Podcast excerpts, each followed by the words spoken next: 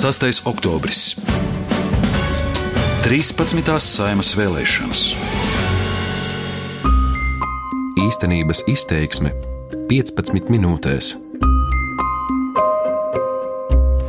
Bolderāja ir Rīgas nomale. No citiem mikrorajoniem ir īpaši ar to, ka tā ir norobežota no pārējās Rīgas. To apskauj Daugava, Buļļupi un Spilves pļavas, tāpēc izglītība citās apkaimju skolās nav viegli sasniedzama. Bolderais 19. vidusskola ir vienīgā latviešu skola šeit, un tāpēc ir īpaši svarīga latviešu bērniem. Ir arī divas mazākumtautības skolas. Viena Bolderais centrā 33. vidusskola un nedaudz tālāk Daugogrīvas vidusskola. Kamēr mazākumtautības skolās Bolderājās skolēnu skaits ir nemainīgs, latviešu skolā ik gadu to paliek mazāk. Nepieciešamais minimālais vidusskolēnu skaits klasē vienīgo latviešu skolu Bolderājā ietekmēs tik tālu, ka šogad Bolderājā vairs nav nevienas vidusskolas klases.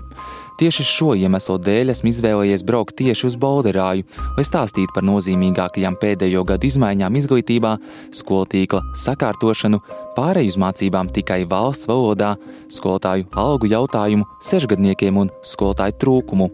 Mani sauc Rudolfs Krieviņš, un šis ir raidījums īstenības izteiksme 15 minūtēs.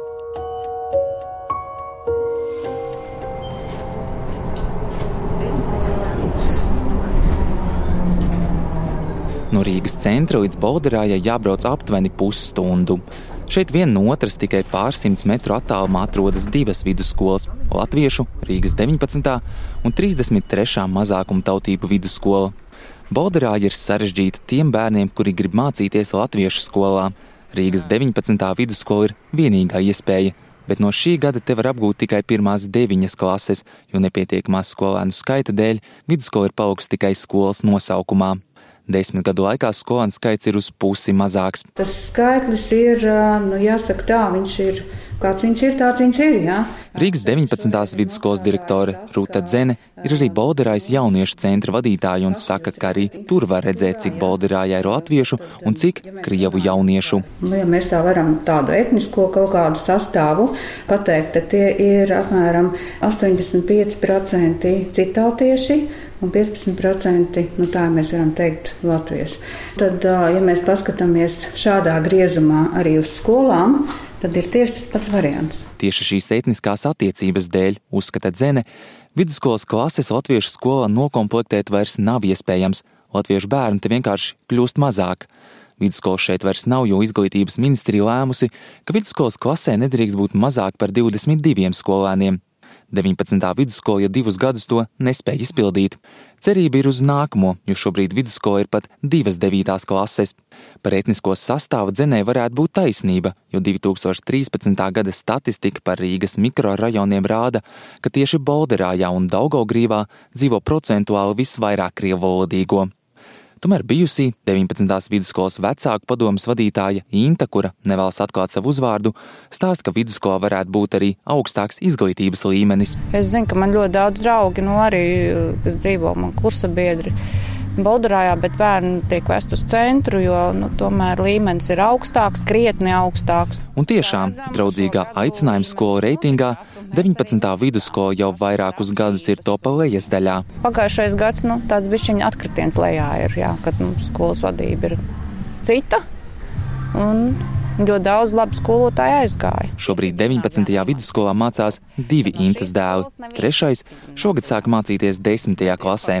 Ne vairs Bolderājas, bet Rīgas centra skolā. Un arī man bijusi trešā ģimnāzija, kuras kādreiz mācījusies, nu, ļoti atšķirās un prasības. Un, tev liek mācīties, un arī mājas darbus spiež mācīties, nu, ka tev liek domāt un projektus vairāk darīt. Inte šobrīd dzīvo gandrīz blakus 19. vidusskolai. Cita, tuvākā latviešu vidusskola, uz kuru bolderais bērni var doties, ir Imanta. No Intas mājām tie ir aptuveni 10 km, turklāt Imantā no Bolderais var nokļūt tikai ar vienu sabiedrisko transportu. 45 minūtes, jo brauc panniņu mūža bulvāru, jo tur ir mūžīgais sastrēgumi. Uz īguciem tāpatās vai uz centru man bērns brauc uz stundu ātrāk, brauc uz skolu. Protams, izglītība ir imantā ir augstāka. Sveiki! norādīju apierinājumus. Par skolēnu skaitu Bolderājā nesatrauc 33. vidusskola. Mazākumtautību vidusskolā skolēnu skaits ik gadus vārstās ap 800, arī otrā mazākumtautību vidusskolā Daugogrības ap 5. Tikmēr vienīgajā latviešu skolā, kur agrāk mācījās 500 bērnu, šobrīd vairs tikai 250. Tomēr, ja 33. vidusskolai par skolēnu skaitu vidusskolas klasē nav jāsatraucas, ir citas izmaiņas, kas to skar pāreja uz mācībām latviešu valodā.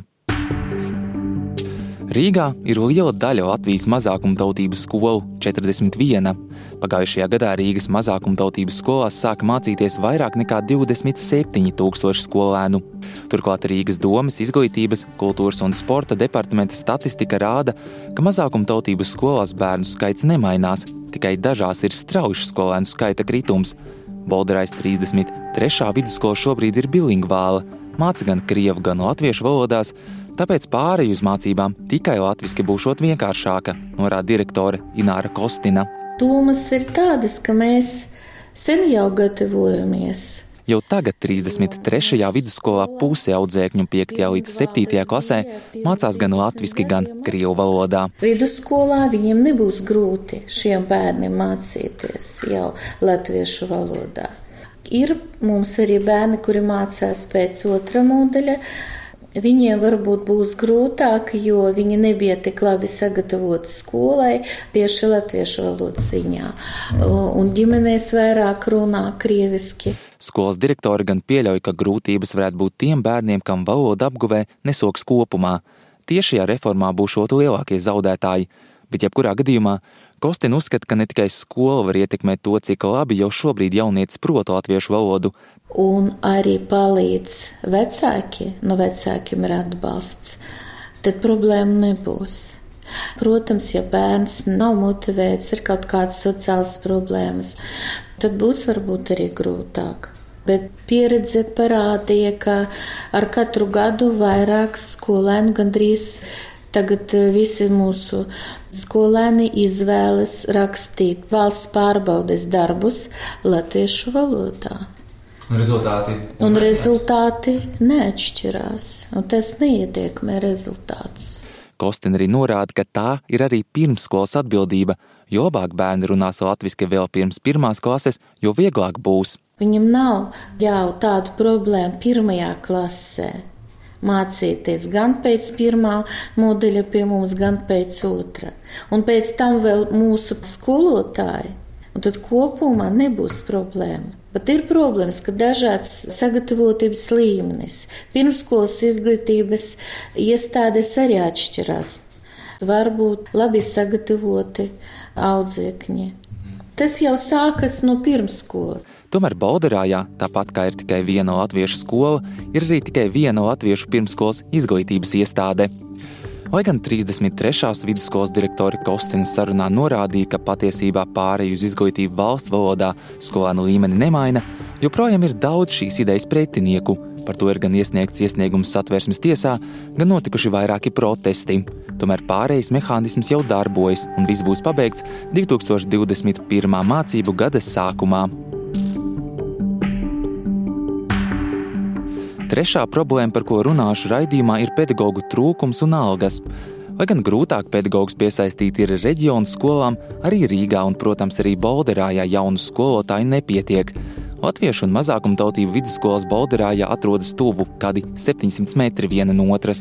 Tādēļ ir skolotāji, kuri strādā abās skolās. Paskatieties, tagad e-skolā jūs redzēsiet, cik daudz skolotāju trūks Rīgā. Rīgas 33. vidusskolas direktore Ināra Kostina stāsta, ka viņiem nepieciešami latviešu valodas un eksakto zinātņu skolotāji. Šobrīd cer uz bijušajiem absolventiem. Viena bijuša skolniece studēja matemātiku Latvijas universitātē. Šogad jau atnāca strādāt pie mums pagarintā dienas grupā arī mūsu bijuša skolniece. Ir un būs, es domāju, ka jaunie skolotāji, bet e, nav tik daudz. Arī latviešu skolai, kad aiziet kāds pieredzējis pedagogs, nemaz tik ātri aizvietotājs atrast neizdodas, atklāja skolas direktore Ruta Dzene. Šis atalgojums viņš tiešām nav konkurētspējīgs. Jo ceļš uz darbu un atpakaļ ir ilgs, ja nedzīvo tieši Bolderājā. Līdz ar to te ir citas sviras, kāpēc viņš atnāk šeit strādāt. Mm. Jā, ir tā vide, kas viņam ir patikusi, vai viņš šeit dzīvo. Jā. Tā kā tas ir viens no daudziem punktiem, kā mēs varam to jauno cilvēku piesaistīt. Bet uh, vienalga tas garais laika ceļš, man liekas, tas ir tas, kas pašreiz jaunam cilvēkam ir svarīgi. Jaunākajā pedagoģu algu palielināšanas grafikā skolotāju atalgojumam ar katru gadu jākļūst pievilcīgākam un jau šogad pedagogi gan tikai ar draudiem piketēt panāca, ka minimālās slodzes likme, kas solīts un noteikts grafikā, paaugstināsies no 680 līdz 710 eiro. Tagad tik gadu pedagoģa algai jākāpj, līdz 2022. gadā zemākā mēneša darba algas likme būs 900 eiro. Kur tam ņemt naudu? Ar šo lēmumu valdība kavējas, turklāt katru gadu papildu naudas vajadzēs vairāk. Kā tas ietekmēs mazo Rīgas 19. vidusskolu, direktore Dzene vēl nesteidzas spriest.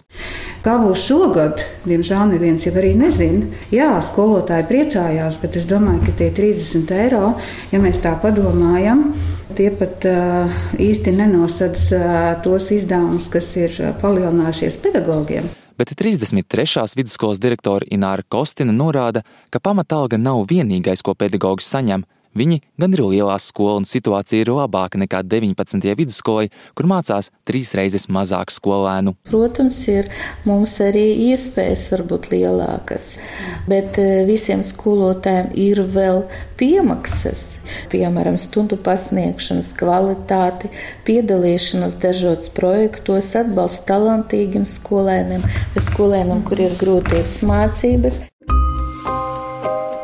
Jau vairākus gadus diskutēja, vai bērns skolas gaids var uzsākt jau no sešu gadu vecuma, nevis septiņu, kā lielākoties tas notiek šobrīd.